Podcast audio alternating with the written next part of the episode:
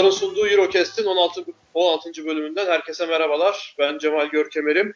Bu bölümde konuğum Eurohoops editörü Utkan Şahin. Hoş geldin Utkan. Hoş bulduk abi. Nasılsın? İyiyim Utkan. Teşekkür ederim. Sen nasılsın? Öncelikle nasıl olduğunu söylemeden önce ben bir teşekkür edeyim. Davetimi kırmayıp kabul ettiğin için. Estağfurullah, estağfurullah. Yani, Peki nasılsın? iyi misin? Şimdi sorayım o zaman. Eyvallah. İyiyim ya. İşte heyecanlıyız. Bizim de yani playoff öncesi her zaman sitenin en yoğun olduğu dönemdir. Haftaya NBA playoffları da başlayacak. O için içerik yetiştirmemiz gerekiyor. Kaynıyordur ortalık o zaman. Yani şu an kimse dışarı çıkamaz öyle söyleyeyim. Herkes bilgisayarın başında içerik hazırlıyor sitede. Senin bu son rahat zamanların olabilir mi? Şu ya şöyle seninle çok önceden konuştuğumuz için ben bu saat izin aldım. Yoksa ben sabah 8'den beri içerik hazırlıyordum zaten. Allah çok teşekkür ederim Utkan ya. Seninle konuşacağız. Sonra tekrar döneceğim. Tekrar yapacağım. Ve tamam. E, playoff başladığı gün benim özgürlük günüm olacak. Peki o zaman. E, sezon ödülleriyle başlayalım diyorum ben. Olur Sana abi. İlk olarak şeyi soruyorum. Normal sezonun ilk beşi. Ee, burada ben uzun ikilisiyle başlayayım. Evet. Veseli'yi koyuyorum. Evet. Ee, yani ne kadar su sezon sonu şey geçirdiyse bir dakika. Ante Randolph'u koyuyorum. Corey Higgins'i koyuyorum. Ee, Michic Sulukas ikilisi de guard ikilisi yapıyorum. Yani işte ben burada şeye çok önem veriyorum. Takım başarısına çok önem veriyorum. Hı hı. Ee, bu takımların hepsinin başarısı şeyine düşünürsek e, bence oynadıkları önem, sahaya koydukları önem açısından bu 5 daha mantıklı gibi geliyor bana. Bilmiyorum sen ne düşünüyorsun? Yani Teşekkürlerine. Higgins Higgins'i neden Clyburn'e tercih ettiğini sorabilirim bir tek. Yani daha- ben de söyleyeceğim ilk beşimi de hani ona göre bir şey yaparız. Çarpıştırırız. İlk bir sorun bu olsun sana. Çok daha clutch bir oyuncu. Çok daha topu emanet edebileceğim bir oyuncu. Yani bu sene bence Will Clyburn'un gelişim gösterdiği gelişim azım, azımsanıyor. Bence çok değerli bir gelişim gösterdi.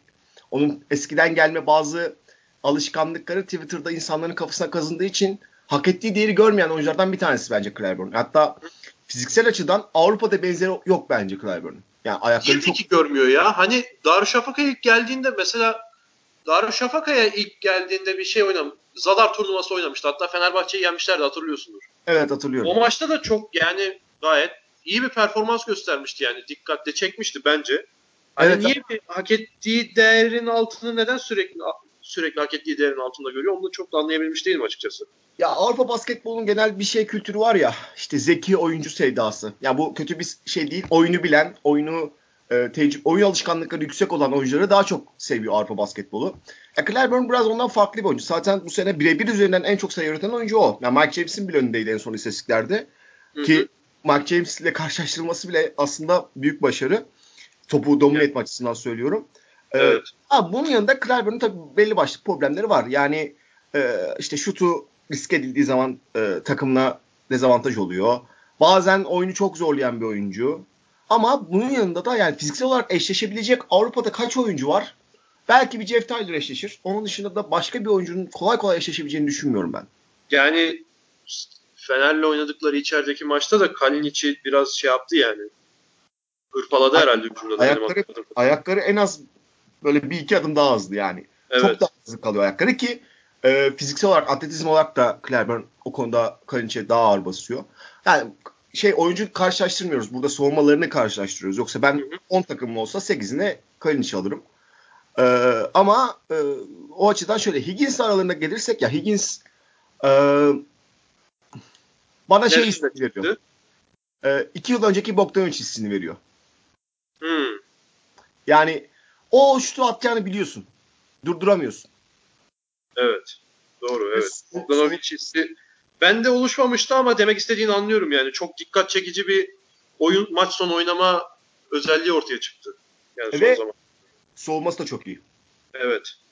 Ee, ben ilk beşimi söyleyeyim. Evet abi merakla bekliyorum. Ben Kalates, Mitsic, Higgins, Moerman Veseli dedim. Kalates'in yerine başta Sulukas'ı yazmıştım fakat birebir istatistiklere baktım. Yani Kalates'in tekrardan bakıyorum. Ee, hani asist top kaybı oranı yaklaşık 3. Evet. Sulukas'ın 2,5 falan. O şekilde bir şey yaptım, kıyaslama yaptım. Bir de hani e, attıkları sayılar da 12.3 Kalates, 12 Sulukas. Yani bayağı yakın ama belli başlı yerlerde Kalates'in bireysel istatistiğini ön planda tuttuğum için ben onu ilk 5'e aldım. Midsit zaten herkesin malumu. Hani yani çok söylenecek bir şey yok. Ben zaten ilerleyen dakikalarda da Mitsic ile ilgili fikirlerimi beyan edeceğim. Higgins seninle aynı fikirdeyim zaten. Muharman savunmada belli başlı zaaf gösteriyor. Evet ama hani yani Efes'in bu sezonki gösterdiği performansta Mitsic'in yanında bir skorere daha ihtiyacı varken beklenmeyen bir şekilde bilmiyorum. Bence Shane Larkin daha çok ön plana çıkıyordu sezon başındaki insanların öngörüsünde. Beklenmeyen bir şekilde Muarman'ın skor yükünü çekiyor olması bence çok etkileyici bir durum. Veseli de zaten yani sakatlığa kadar net MVP'di yani. MVP adayı bile değildi bence. Evet bence de. Benim ilk beş için de söyleyeceklerim bunlar. Ya şöyle Muharman'a sana katılıyorum. Muharman e, hatta hatırlarsın transfer olduğu zaman çok eleştirilmişti Efes. Yani işte Botum, Muharman birbirine çok benzeyen iki oyuncu. Daha atletik bir oyuncu olsa en azından savunma açısından daha mantıklı olabilir. Muharman'ın Barcelona senesi çok kötüydü. Ee, bunun yanında e, Daçka senesinde de beklentilerin altında kalan bir sezondu. Yani onu tam olarak suçlayamayız belki. Daçka'nın uzun rotasyonu çok kötüydü. Yani Ama... Daçka'nın bir de o sezonun da araya girdim özür dilerim. Daçka'nın o sezonunda kim beklentinin üstündeydi ki ya? Ya Brett Wanamaker biraz beklentinin üstündeydi. Çünkü inanılmaz bir sezon oynadı. Hala galiba şey offensive rekoru onda tüm Euroleague sezonlarının arasında. Ee, Wilbeck'in ayağı kırıklıydı ama yani e, işte beklentiler açısından çünkü Banvit'ten çok büyük bir hype'la gelmişti. Ee, ya şöyle bir şey var bence Muharrem'in oyunuyla ilgili. Ee, genellikle e, sen de biliyorsun dışarıya açılan uzunlar belli bir noktadan sonra yumuşarlar. Yani bu pot altından kaçmaya başlarlar. Evet. Ben Muharrem'in sıkıntısı onun sabit bir 4 numara şütörü olarak görülmeye başlamasıydı. Yani Barcelona'da ben geçen geçen istatistikini hatırlıyorum. Asist üzerinden attığı herhangi bir basket yoktu. Bütün sayıları asist üzerinden gelmişti. Hepsi üçlük zaten. Çoğu üçlük. Ve çok e, dışarıya açılan bir uzun alana gelmişti. Ben onu mesela Chris Singleton içinde de düşünüyorum. Singleton bundan daha sert bir oyuncuydu.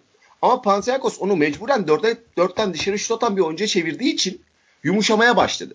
Şimdi Marman bu sene gene dışarıdan şut atıyor ama sertlik konusunda e, pot altında özellikle reboundlarda ve savunmadaki o alanı kapatma açısından geçen seneye göre bir adım attığı için bence o sertlik oyuna da yansıdı. Agresifleştirdi onu.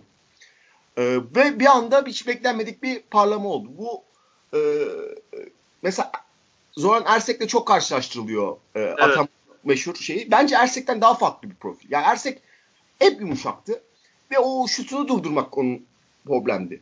Ama burada daha sert, daha komplike, daha reboundlara domine eden, topçu almayı etki eden, soğumada alan kapatan bir uzun haline geldi ve Dunstan'la beraber bence çok uyumlu oldular.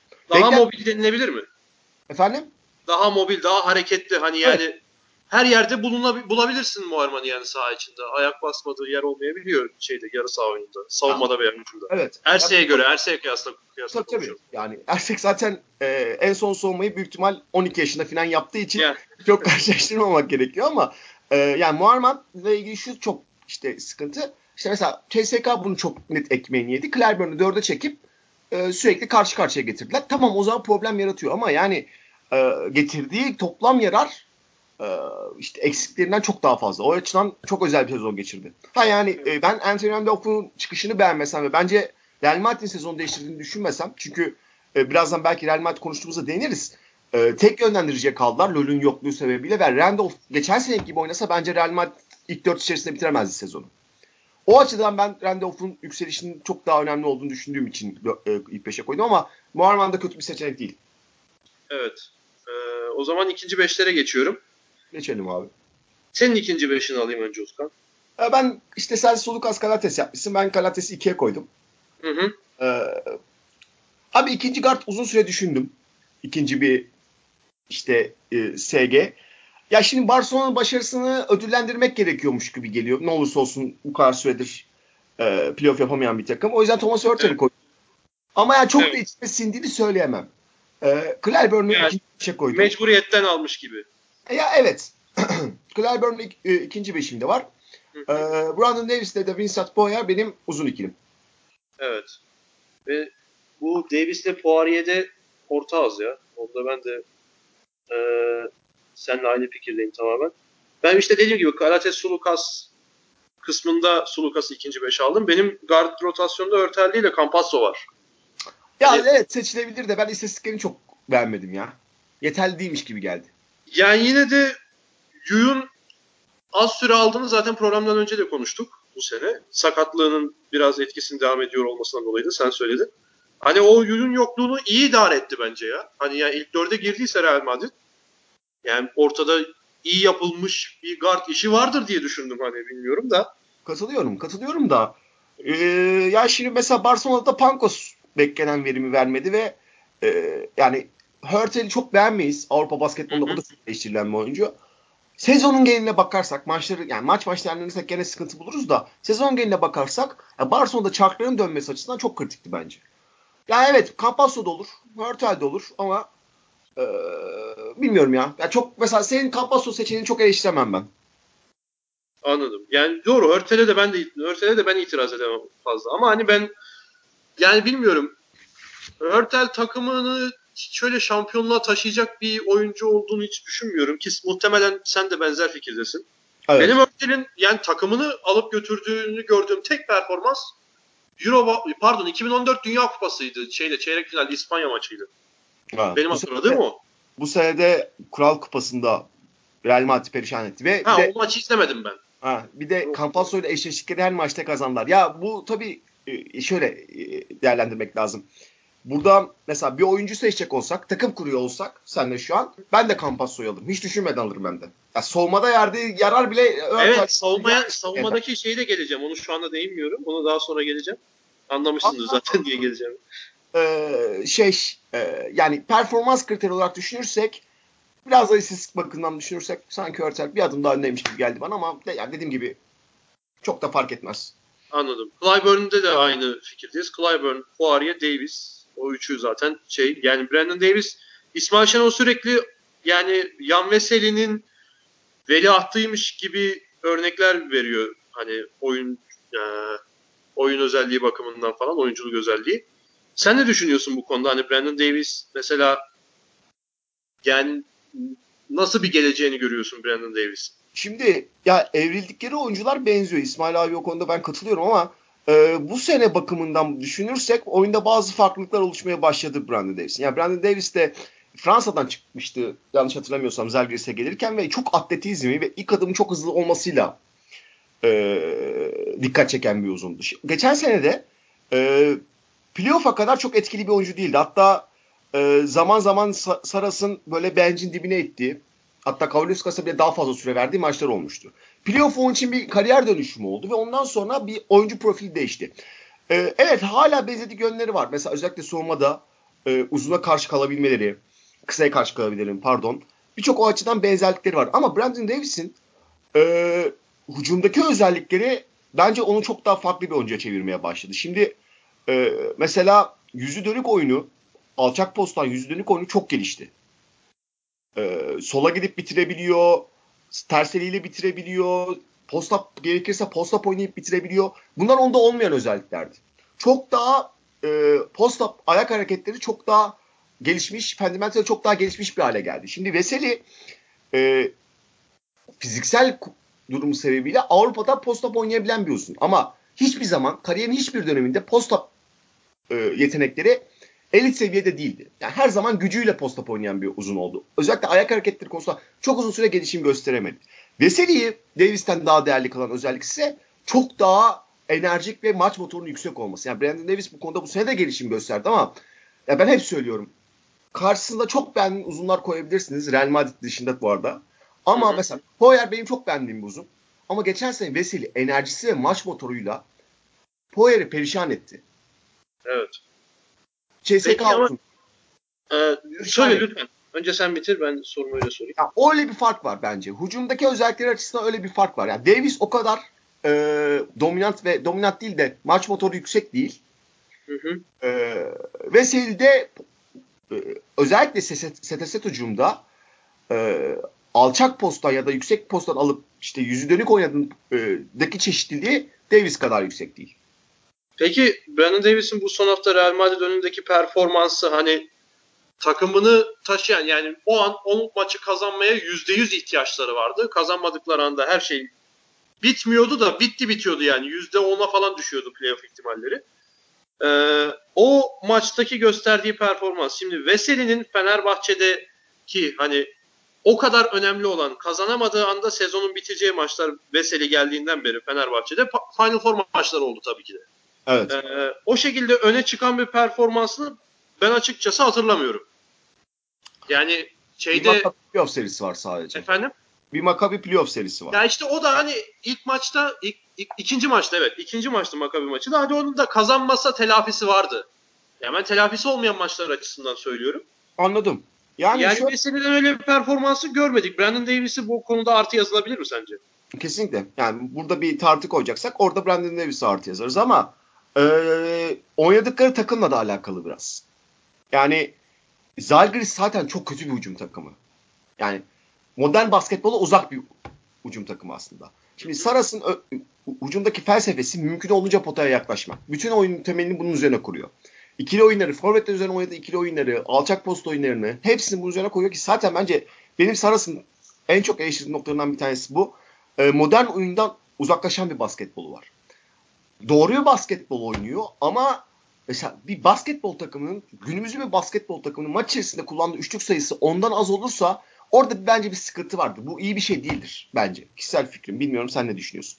Bunun temel olarak Davis üzerinden çok fazla oyunu kurguluyorlar. Çünkü üretebildikleri yer sayısı çok kısıtlandı. Yani Westerman son haftalarda biraz etkisi arttırmasa ciddi anlamda e, Zargis hücumları izlemek büyük problemdi. Çok hareketsiz, oldukça temposu düşük hücumlar izliyorduk ve mecburen sürekli Davis'e topu indirip onun üretebileceği şeylere bakıyorlardı. Şimdi Fenerbahçe'de Veseli çok büyük bir etken, çok büyük bir değişken.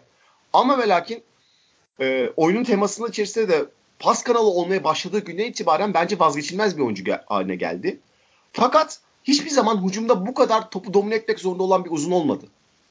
Evet. Yani biz kaç tane maçta Veseli'nin e, bu kadar işte e, alçak postan oynamasını gör istedik ya da e, plan içer, içerisinde Yani. Fenerbahçe'nin yapmak istediği şey sürekli Veseli üstünden bu kadar gittiği bir maç olmadı. Hani bu, evet. bu maçta Real Madrid maçında Davis'in kullanıldığı gibi Veseli kullanıldığını ben de hatırlamıyorum. Doğru söylüyorsun. Yani Ekpeyudov varken mesela Final Four MVP'si oldu. O sezon çok çok da harika ötesi oynamıştı.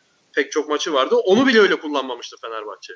Evet. Yani zaten Fenerbahçe'nin ana temel şeyi e, planı yani işte forvet ya da tepeden oynanan ikili oyun sonrasında uzuna top indirildikten sonra arka plandaki işte 3-2'yi oynamak. Hı hı. Bunun üzerine top dolaşımını sağlamak. Yani Fenerbahçe uzunlarından tabii bitiricilik istiyor ama bunun yanında onlara verdiği farklı bir oyuncu profili var. Bu ta Gatlaklı senesinden beri gelir. O evet. sırada mesela o işi Oğuz yapıyordu. Oğuz'un yapması mesela Fenerbahçe için o top 16 sezonda kırılmalardan bir tanesidir mesela. Çünkü Gatlak sürekli tepede ikili sıkıştırmadan kalıp topu elinden çıkartamadığı için Fenerbahçe hücumlarını organize edemiyordu. Ee, bu açıdan öyle bir oyuncu profil kullanılma farkı var. Ama yani günün sonunda ikisi de çok değerli uzunlar. Ee, o zaman beşlerden itibaren ben şeyi soracağım sana. Sezon normal sezon MVP'si sence kim olur? Ee, olacağımı söyleyeyim yoksa tam isteğimi mi Yok senin senin aklına yatanı, gönlünden geçeni artık hangi sebeple veriyorsan. Ya şöyle e, eğer ilk dört takımdan bir tanesi elenmezse ve e, Veseli çok kötü bir playoff serisi oynamazsa bence Veseli alırmış gibi gözüküyor. Çünkü ne olursa olsun işte rekor kurup e, normal sezonu lider bitiren bir takım. En iyi oyuncusu ve sakatlanınca kadar da ligin en iyi oyuncusunun olduğunu gösteren evet. bir profil koydu ortaya. Peki al, almalı mı sence de? Bence almalı. Yani Al. burada insanlar yani şey... Senin ödülün de ona gidiyor yani. Hani evet. ona tahminden ziyade. Evet. E, yani şundan kaynaklanıyor. E, bence sezon iler geçtikçe geç, geçmişi biraz unuttuğumuz için Veseli'nin sezon başında neler yaptığını unutuyoruz. Evet. Yani bu bence Giannis'le e, Harden konusundaki MVP tartışmaları içerisinde de öyle. Yani Giannis çok iyi girdi. Harden yavaş başladı. Sonra Harden inanılmaz serisi Giannis'i sanki o kadar iyi değilmiş gibi göstermeye başladı ama aslında iyi de adam. Yaptıklarını unutuyoruz çünkü.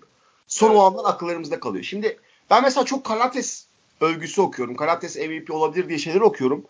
Ya belki playoff'tan Final Four'a taşırsa belki ama ya mesela Karates'in bu sene e, son çeyreklerde sayı ortalaması kaç biliyor musun? Kaç, kaç Utkan? 1.8 abi. 1.8. İkisini sen, zaten şeyde attı. o CSK. Ya sen zaten takımın Üçü lideri. pardon işte. Üçü işte. Takımın liderisi çok uzun süre asist sayısı bile yani 18. 19. haftaya kadar son çeyreklerde yaptığı asist sayısı 1 ya da 2 idi. Yani evet. O ya sezon... zaten şutunun o kadar kötü olması bir yerden sonra seni çok daha rahat önlem alabiliyorlar yani sana.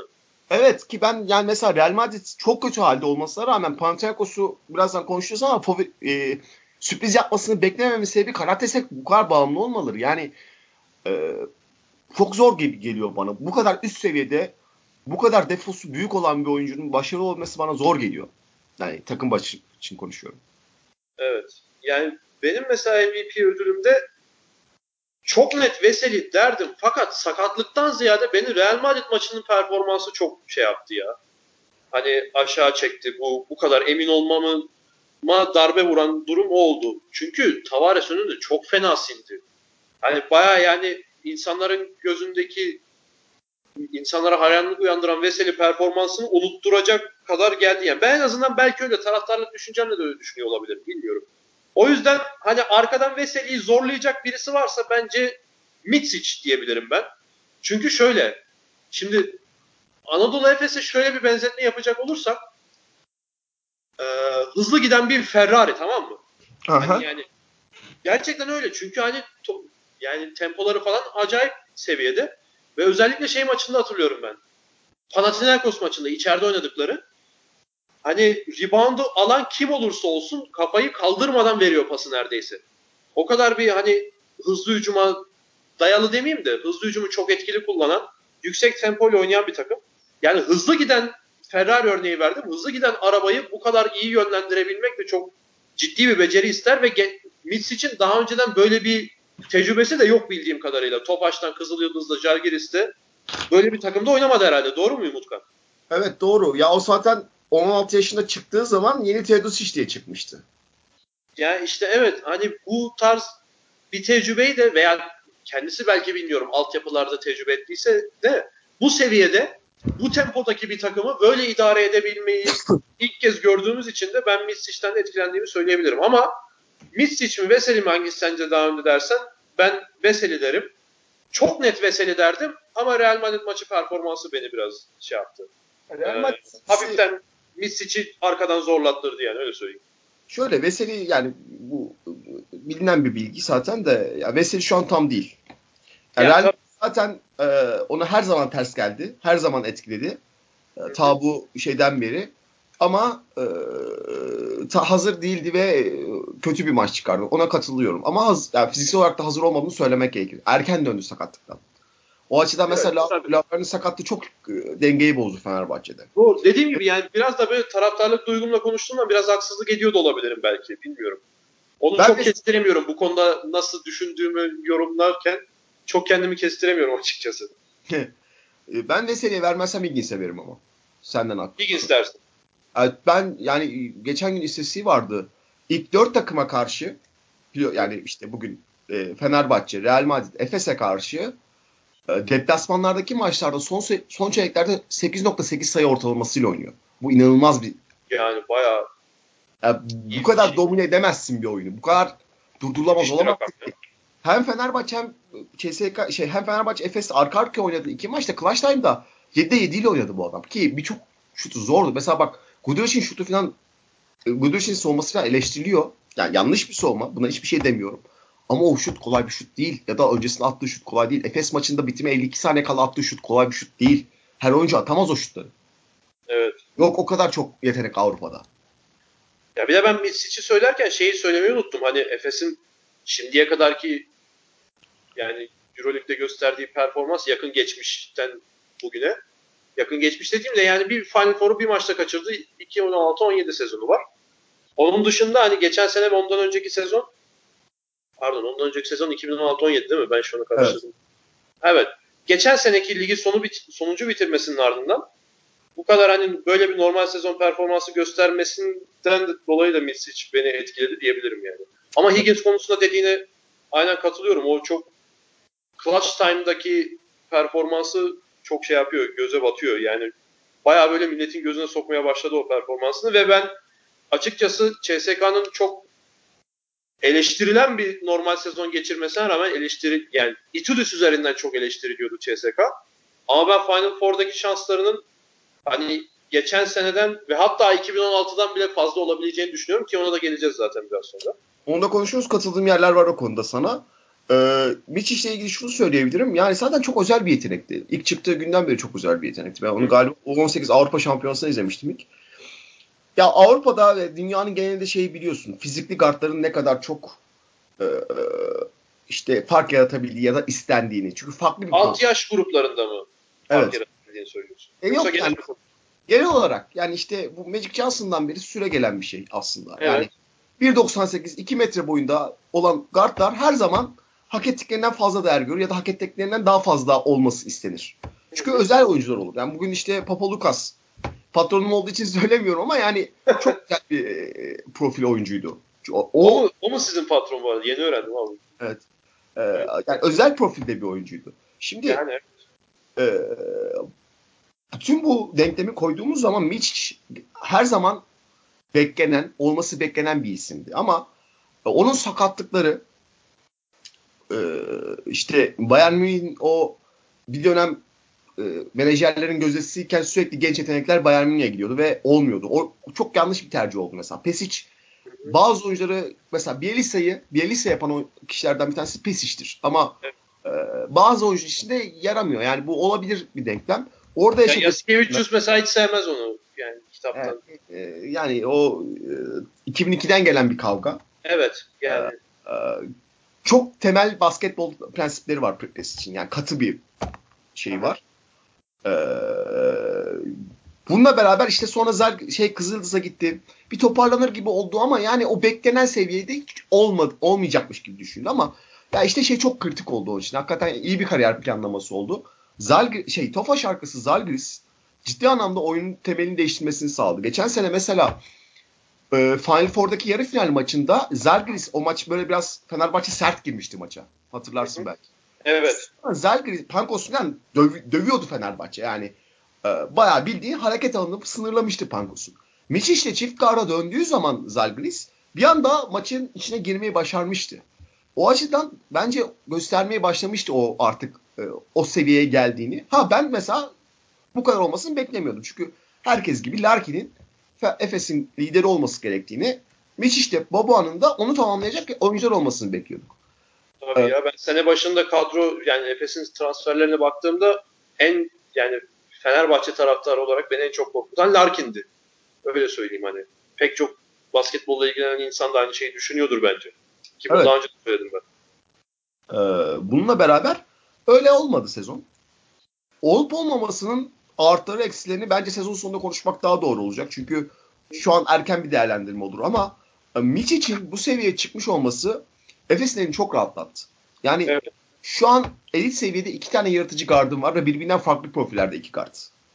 Ee, birbirlerini çok tamamlamıyorlar belki. Yani aynı anda sahada tutman belki zor.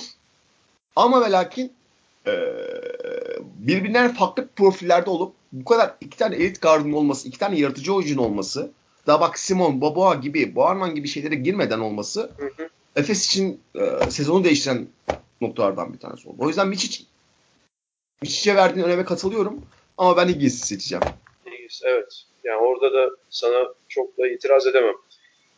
Ee, yılın savunmacısı, normal sezon savunmacısı diyeyim. Yıl demeyeyim de daha playoff'lar Ee, Tavares ya. Tavares mi? Ben Campazzo dedim ya.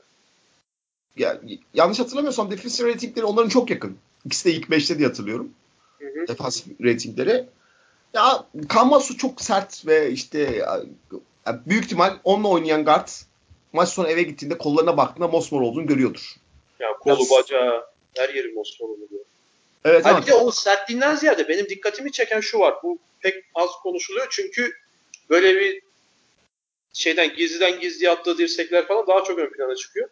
Ya onun e, nasıl diyeyim sana onun ismini koyamıyorum şu anda ama yani çok aşırı hızlı refleksleri var ya. Mesela bir rakip gardın rakip gardın kontrolündeki topa birden böyle nokta bir saniyede falan bir müdahale edebiliyor. Kolunu bir yerden çıkartabiliyor.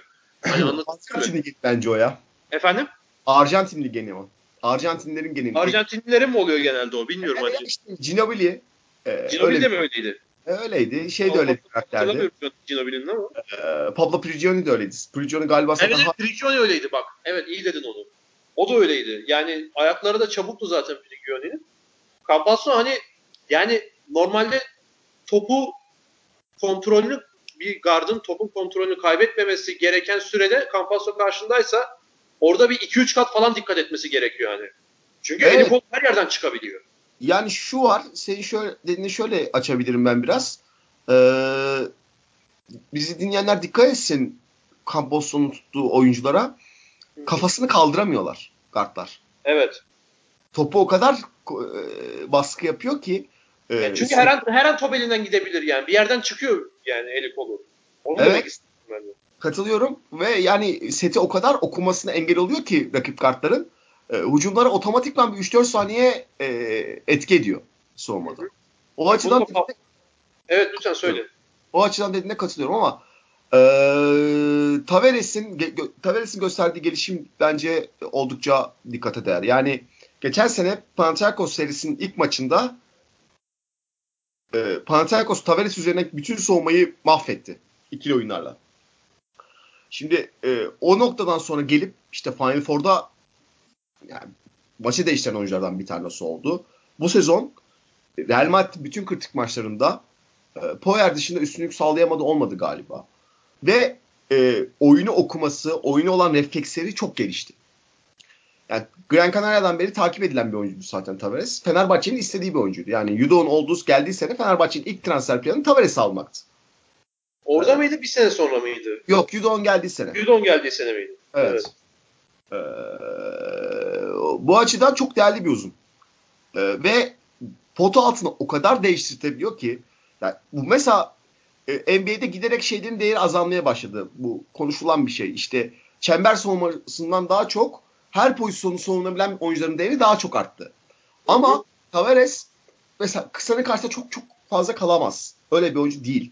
Ayakları sebebiyle yani o- o ayaktaki, o boydaki bir adamın zaten o kadar kalabilmesi mümkün değil.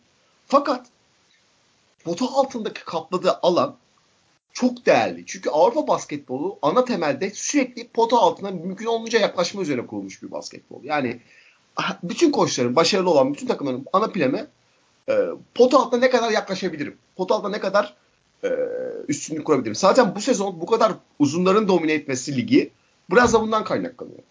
Bütün takımlar bunu arzuluyor. Yani daha demin seninle şey konuşuyoruz. Elit kart sayamıyoruz. Çünkü e, lig giderek uzunların ligi olmaya başladı burası. NBA'nin aksine. NBA'in aksine diyecektim. Temel noktada buna Avrupa basketbolun istediklerini gösteriyor. Tavares potu altında o kadar büyük bir alan kaplıyor ki bu pas kanallarından tut hareket alanına kadar her şey için geçerli. Rakiplerin bütün bu planlarını bozuyor. O açıdan bence yaptığı çok değerli. Ee, öyle. Başka bir şey. Zaten galiba Avrupa'da en çok para kazanan 3. oyuncusu. Öyle biliyorum. Bir hala Şivet mi ya? Şivet. O bir ara ben onun listesine baktım mı değiştim değişmedi çok bilmiyorum. Şivet. Ee, şimdi sana şeyi soracağım Utkan.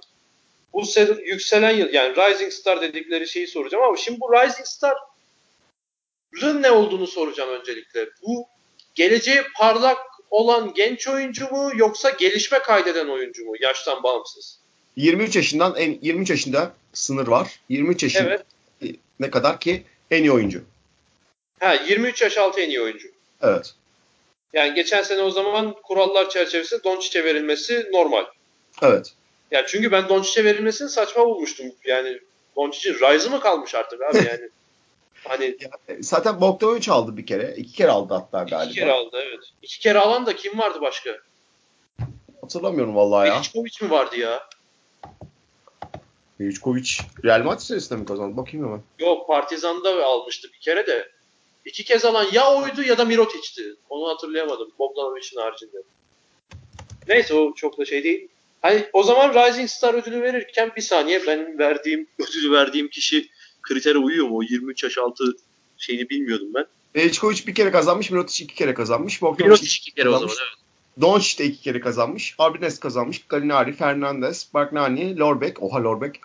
Tabii bir zamanlar o da gençti. İki kez evet. kazananları mı sayıyorsun? Yok yok kazananları sayıyorum. Lorbeke diye şaşırdı abi. Adam direkt 30'undan başladı basket. yani kafamda öyle kalmış. Bu arada evet yani 22 yaşındaymış pardon. Ee, en az 22 yaşında olanlar. Ya bu sene bence ödül iki oyuncu arasında zaten konuşabiliriz. Ee, Yoel Zoasman benim çok beğendiğim bir oyuncu. Evet. Ee, hatta biraz haksızlık yapılıyor. İstatistikleri çok iyi değil. Bitasya kadar iyi istatistikleri yok. Ama Maccabi'nin sezonun değişim noktası açısından çok değerli bir oyuncuydu. Ee, ben açıkçası ona vereceğim. Yani Bitasya çok Bitasya'yı ben ilk e, şeyde izledim. Final Four Türkiye'de işte İstanbul düzenlenen Final Four'da şey mi? Adidas Next Generation'da orada izledim ve aklım çıktı. Yani Bu hatta, ağır basıyor muydu ya? Ben izlemedim onları hiç ama. Hatta Onur var işte Trend Basket'te. Onur'la yan yana izliyorduk. Evet, Adam evet. yapıyordu. Her şeyi yapabiliyordu ve gelip şey dediğimi hatırlıyorum. Ya arkadaşlar Vitatse diye bir oyuncu geliyor. Herkes gözlerini açsın dediğini hatırlıyorum. Çok çok değerli bir oyuncu. Büyük ihtimal ilk turdan da seçilecek. Ama yani, yani Buduknos'un sezonda değiştirdiği çok fazla şey yok bence. Yani Euroleague'de pek bir şey göstermedi dene, diyebilir misin? Yok gösterdi. 10 sayı ortalaması var. Euroleague seviyesinde oynayabileceğini gösterdi bize ama benim amacım burada ödül verirken benim amacım yani takıma verdiği karar şey değişim. Yani Zosman e, şut soktu. Ki Maccabi bence hücum açısından en problem takımlardan bir tanesi çünkü çok fazla topla oynayan oyuncu var. Şut soktu. Rakibin en iyi oyuncularını aldı. Kısa savundu, uzun savundu. Parametrede atletizm gösterdi, rebound katkısı verdi. Her şeyi biraz biraz yaptı ki zaten kendisi son O20 şampiyonasının MVP'si. Hı hı. Ee, ben o yüzden Zosman'a vermek istiyorum ama Bitasse'nin daha iyi bir istatistik olduğunu kabul ediyorum yani. Bitasse'ye verenlere şaşırmam ama benim kendi kişisel tercihim e, kattığı, Maccabi'nin sezonuna kattığı değer açısından Zosman. Çünkü onun rotasyonda süreleri artmasıyla beraber Maccabi'nin yükselişte başladı. Anladım. Ya ben e, Zosman konusuna hiç itiraz edemeyeceğim ama sen 22 yaş altı şeyini verdikten sonra benim iki tane adayım da şu anda taca çıktı. İlki benim şeydi yani ya tamam çok yaşlı oyuncular seçmedim tabii ama Luka Vildoza'ydı. Yani bir yaş evet. esnetirsek Luka Vildoza bence net şey olur. Bu ödülün bir numaralı adayı olabilir bence. Çünkü evet. hani Baskonya'nın uzun süredir en son doğru düzgün oyunu idare edebilen ve topu eline verdiklerinde güven duydukları bir guard kim vardı? Shane Larkin sayılabilir mi? Sayılır. Sayılır. Ondan önce Palla Prigioni. Yani he, Prigioni vardır. Bel, belki Örtel o da. Ha bir Huertas'ın şeyde ilk dönemi de olabilir. Ya yani onlar onlardan biridir hani e, Baskonya'yı oyununu idare eden, topa yön veren bu kadar güvenilir bir gardı ilk kez bu sene bulduklarını düşündüğümden Vildoz'a diyecektim ama dediğim gibi yaşa takılıyorum biraz. Ya Vildoz'a e, Türkiye Sevenler Derneği'nin başkanıyım ben. Evet. o için kesinlikle itiraz edemem. Yani onun dışında da e, diğer adayım da yaşa bayağı takılıyordu. Bir yaş daha fazla takılıyordu. Grigonis'ti. Ama işte 24 yaşında olduğu için bunu çok da değerlendirmenin bir anlamı olduğunu düşünmüyorum. Ama Zosman konusunda dediğine onlara katılıyorum yani. Onu itiraz edecek bir şeyim yok. Çünkü yani şunu da söyleyeyim açık konuşayım. Makabi maçlarını çok fazla izleyemedim de. O yüzden Zosman'ı değerlendirebilecek kadar şeyim de yok. Bilgim de yok diyeyim. Bu arada Onur Coşkun'a da selamlarımızı iletelim burada. Kendisi de programın diğer elemanlarından da ama belli bir süreliğine şey yaptık. Anlaştık. Ee, yılın koçunu soracağım sana Utkan. Zor bir soru. Benim 3 adayım var. Muhtemelen senin de 3 adayın varsa bunlardır diye düşünüyorum. Sen bir say abi. Obradovic, Ergin Ataman, Yasikevicius. Pitino'yu almadın mı? Pitino'yu ben eğer bu playoff serisi Real Madrid oynadıkları playoff serisi 5. maça çıkarsa bunların önüne bile geçebileceğini düşünüyorum. Ama şu an için bu normal sezon performansla bu üçü Pitino'dan önce önde, ön, e, Pitino'nun önüne çıkıyor bence. Şimdi ben Saras'ı çok e, seven bir adamım. Önce onu söyleyeyim. Ben Saras'ı koymazdım listeye. Pitino'yu koyardım. Çünkü Saras'ın e, zor bir sezon geçirdiğini ve elindeki imkanların kısıtlı olduğunu kabul ediyorum.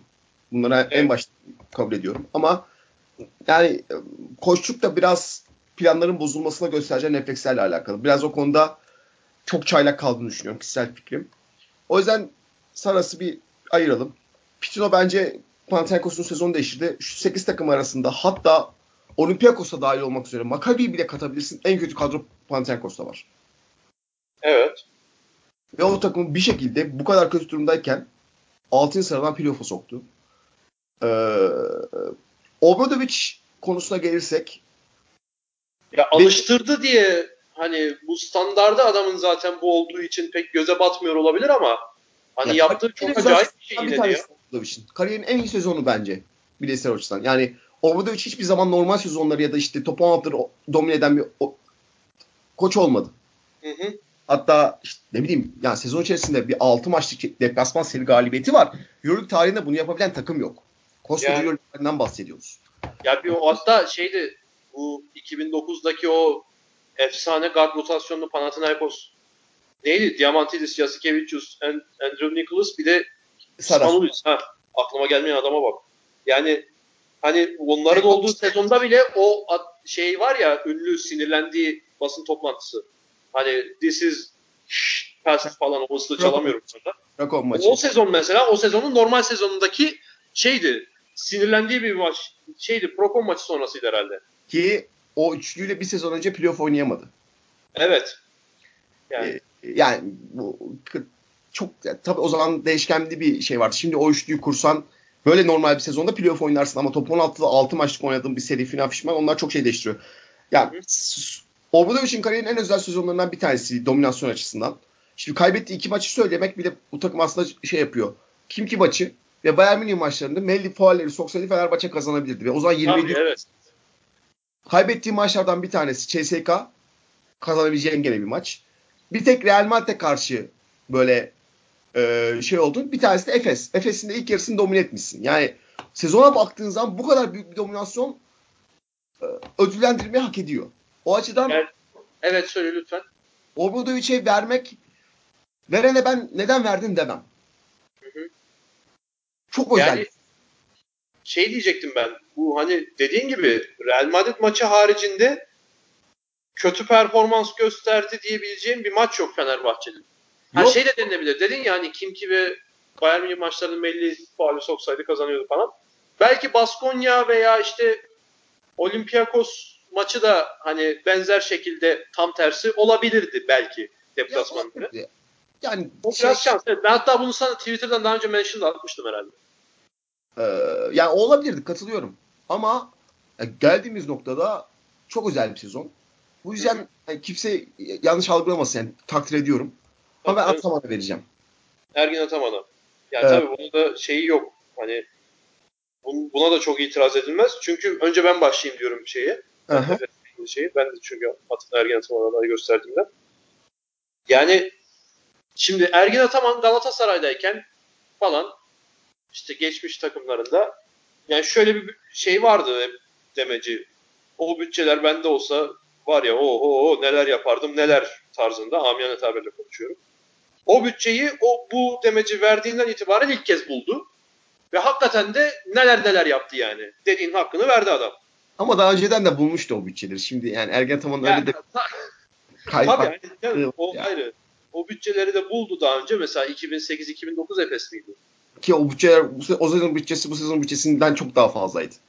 Yani evet. Bu sezon Efes'in bütçesi çok düşünüldüğü kadar yüksek değil. 17 milyon civarı bir bütçesi olması lazım. Ama hani yani sıfırdan kurulmuş bir takıma ilk dörde gümbür gümbür sokuyor olması çok yani yılın koçluğunu sen de böyle düşünüyorsun muhtemelen. Bilmiyorum başka dikkatini çeken e, kriterler, faktörler var mı? Sen neden sen ne düşünüyorsun Ergen Ataman hakkında? Ya şimdi bence Ataman için kariyer değiştiren sezonlardan bir tanesi oldu. Şu açıdan.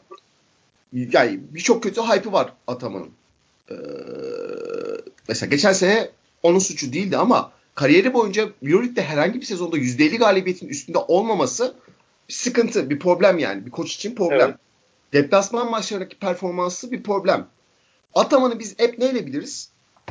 Ataman şimdi Fenerbahçe bizim dinleyen Fenerbahçe taraftarı olacaktır. Kişisel problemler olduğu için takdir etmekte zorlanacaklardır. Bunu algılayabiliyorum. Çünkü e, zor bir karakter. Ama ve lakin e, koçluk bilgisi açısından hiçbir zaman problemli bir koç olmadı. Her zaman koçluk bilgisi yüksek oldu ama Ataman'ın koçluk felsefesi açısından her zaman inandığı nokta yetenek oldu. Çok fazla yeteneğe inanan bir koç bence. Yani e, mesela Obradoviç o kadar yeteneğe inanan bir oyuncu, koç değil. Ya da Yeteneğe inanmayı biraz açabilir misin? şu şekilde. Biz takım oluştururken bir e, takım oluşturacağız şu an bugün tamam mı? Senle. Hı hı. Seçimlerimizi neye göre yaparız? Ya yetenek, ya fizik, ya karakter ya da eğitebilme. Yani oyuncuyu kendi istediğin profile çevirebilme. Şimdi Ataman'ın diğer üç kar- kar- şey kriteri hep bir kenara koyup hep ilki seçtiğini gördük biz. Bak Galatasaray Euro Cup şampiyon olduktan sonraki Euroleague sezonu. Ee, Evet. Daha önceki başarıları. Bu açıdan hep kendi hedeflerini, kendi takımını kurarken yetenekli oyuncu gelsin. Ben onlara sayı attırırım. Soğumada da bir şekilde toparlarım. Hep bu profille ilerledi. O yüzden de Soyunma bırak- odasına ne olduğunu bunların arkasına koydu o zaman. evet. Hep böyle oldu. Hı hı. Ve işte ne bileyim Galatasaray'ın şampiyon olduğu, Euro Cup şampiyon olduğu sene deplasmanlarda bile sıkıntı yaşamasının ana sebebi de hep buydu. Yeteneğe çok güvenen bir koç. Yeteneğe çok inanan bir koç. Bu sezon birçok açıdan yetenek dışında başka şeyler de koydu.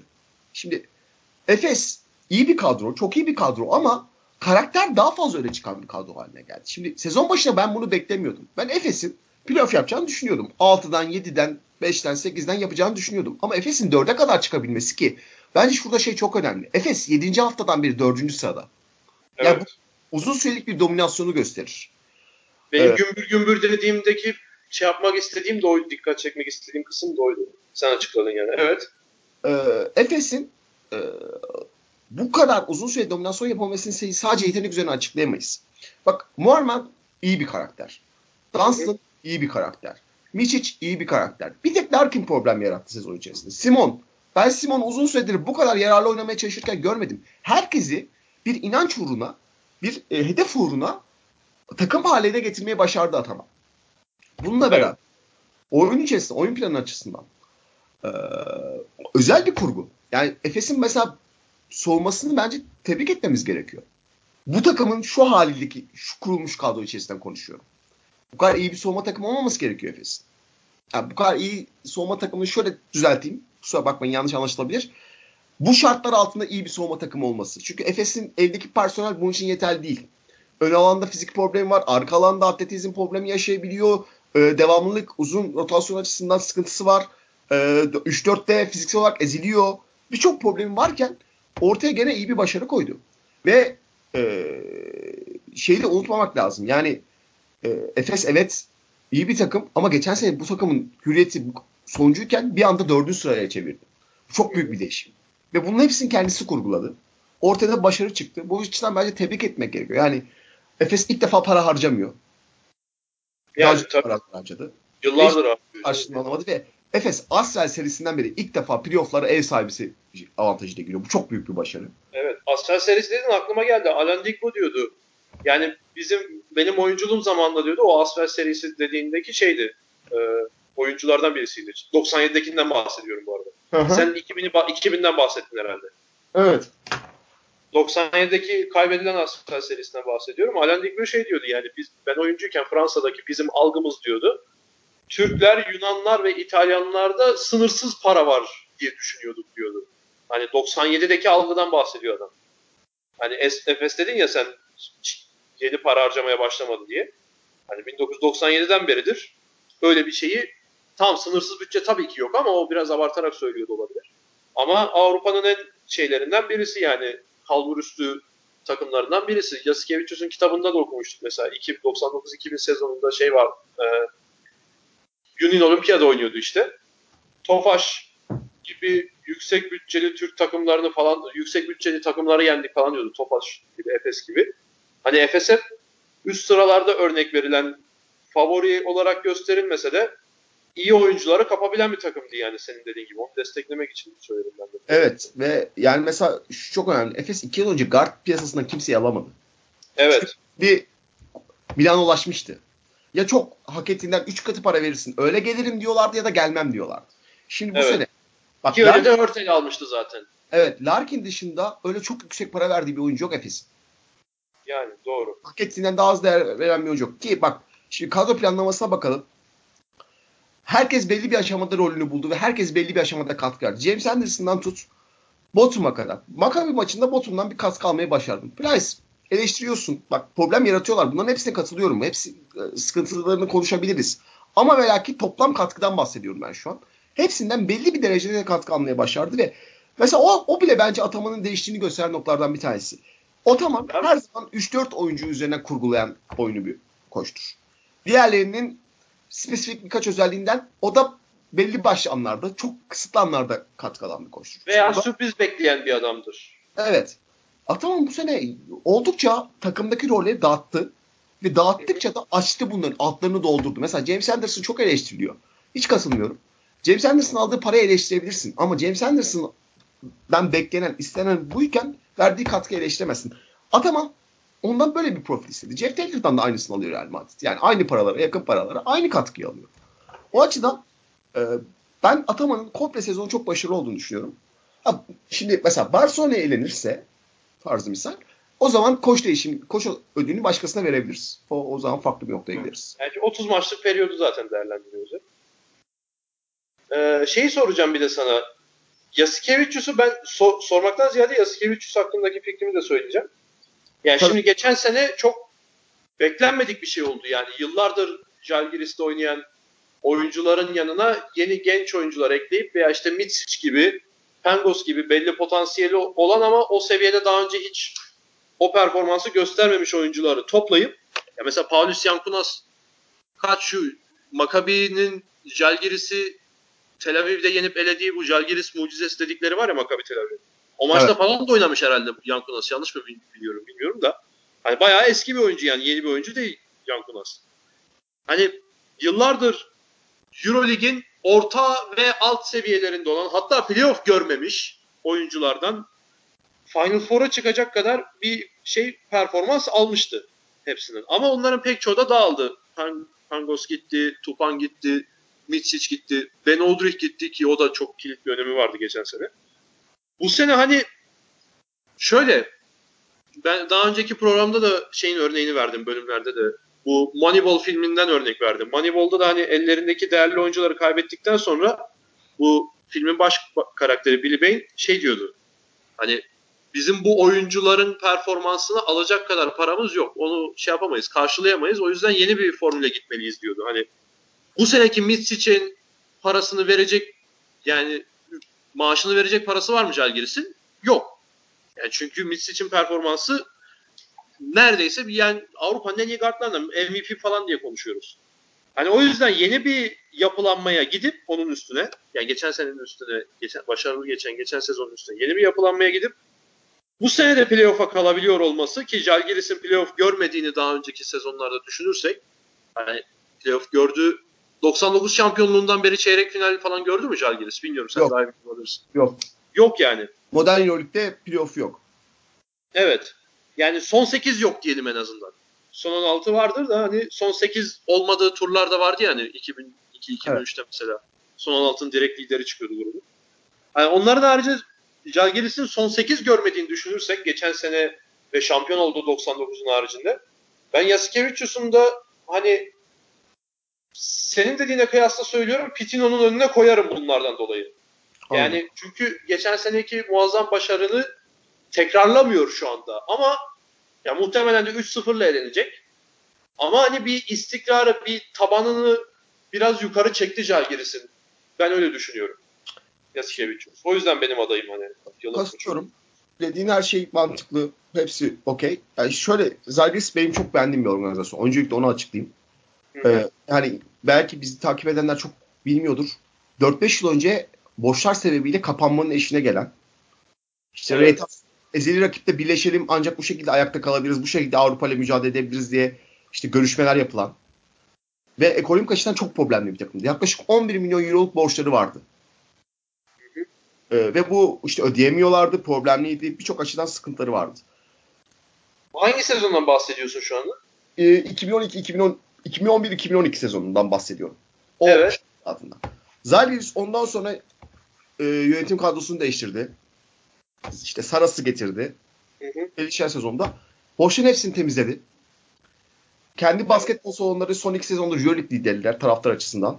bu dediğin süreç 2011-12'den başlayıp 2 sene önceye kadar kal- giden bir süreç değil mi? Evet evet yani o, o günden beri yavaş yavaş başlayan Zalgiris'in mesela e, Avrupa üzerine en çok konuşulan konulardan bir tanesi şey ya e, e, takımlar katma değer üretemiyorlar. Taraftarlarından gerekli parayı kazanamıyorlar. Bir NBA kadar para kazanamıyorlar. Evet. Bu tartışılan bir konudur. Zalgiris bunu başarabilen takımlardan bir tanesi.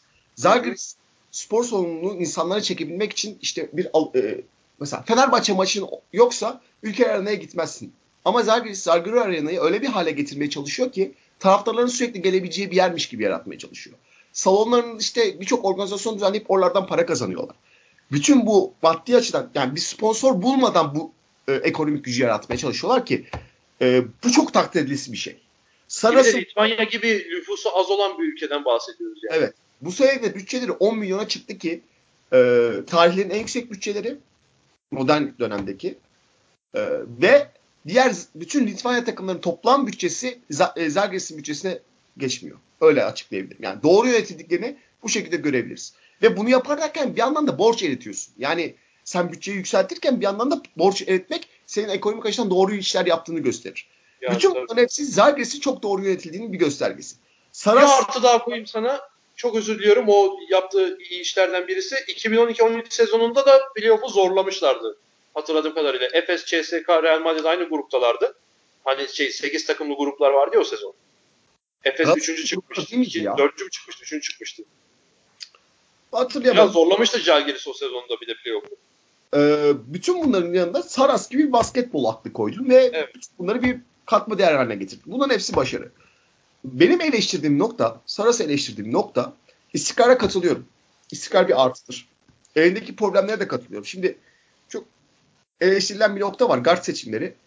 Ee, yani Zalgiris'in bu piyasada bu bütçeyle 10 milyon yüksek onlar için yüksek bir bütçe ama yani o kadar az oyuncu var ki istersen 40 milyonun olsun. Getirebileceğin oyuncular çok belirli.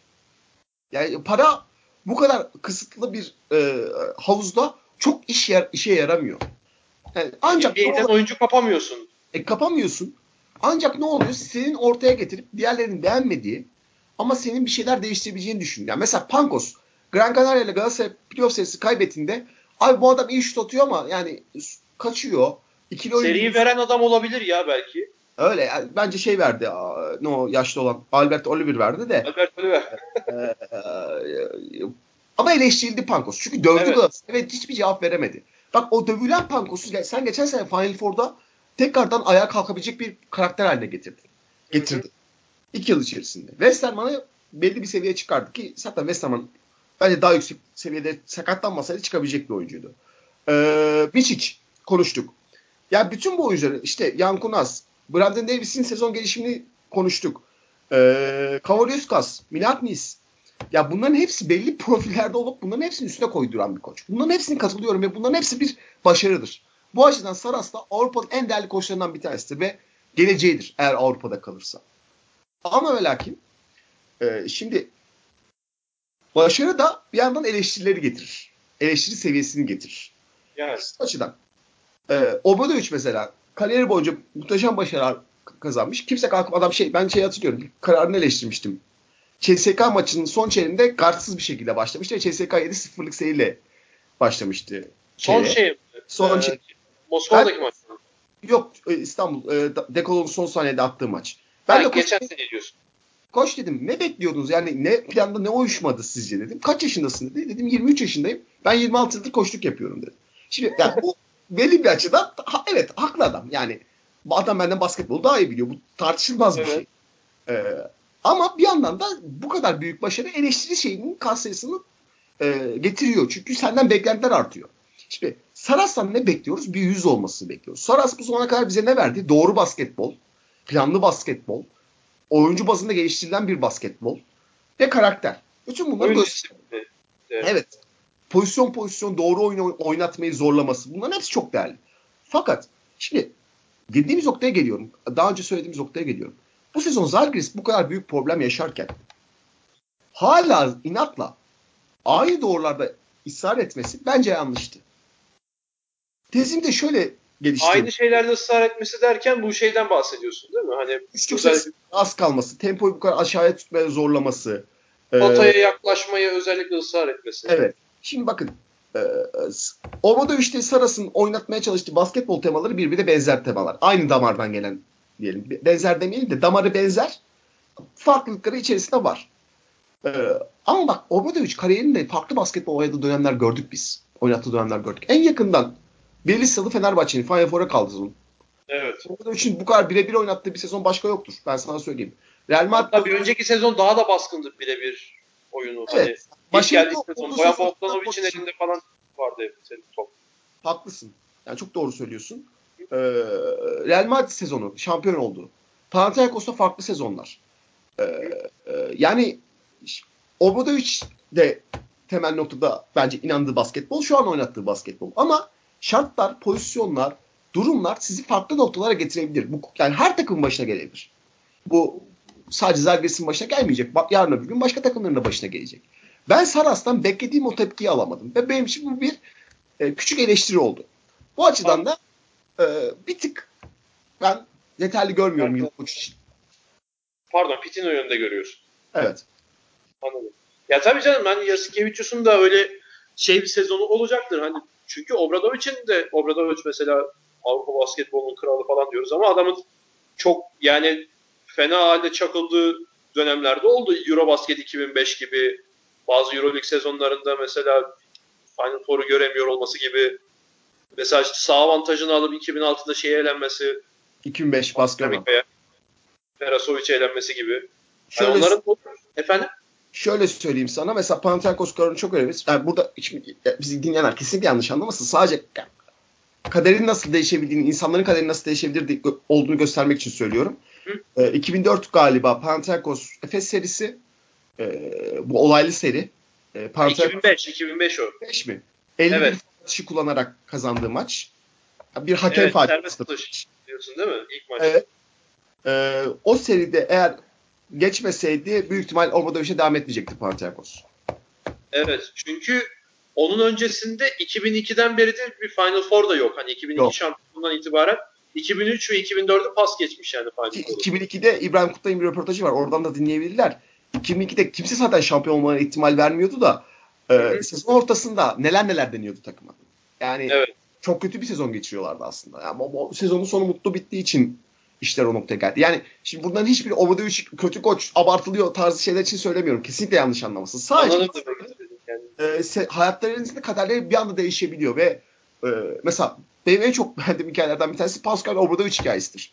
2011'deki playoff serisine kadar Xavi Pascal 6 maçın 6'sında kazanmıştı Obradovic'e karşı ve Evet. E, Messina gidince yeni rekabetli Avrupa basını onu satıyordu. Avrupa'nın yeni prensi şeydi yani Pascual yani Obradovic'in dönemi bitiyor Pascual'inki başlıyor falan deniyordu.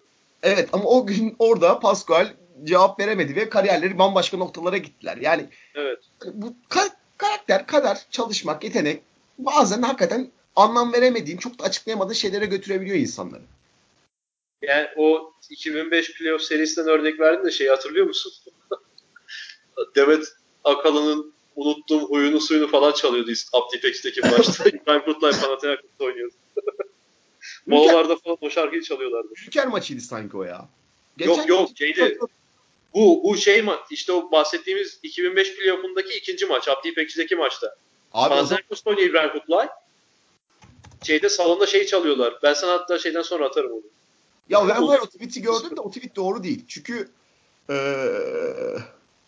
Yo ben baktım videoda ya. vallahi mı? Baktım baktım. Maçın full kaydını atarım sana. Doğru Bak, söylüyorsun. süresini şey yaparak.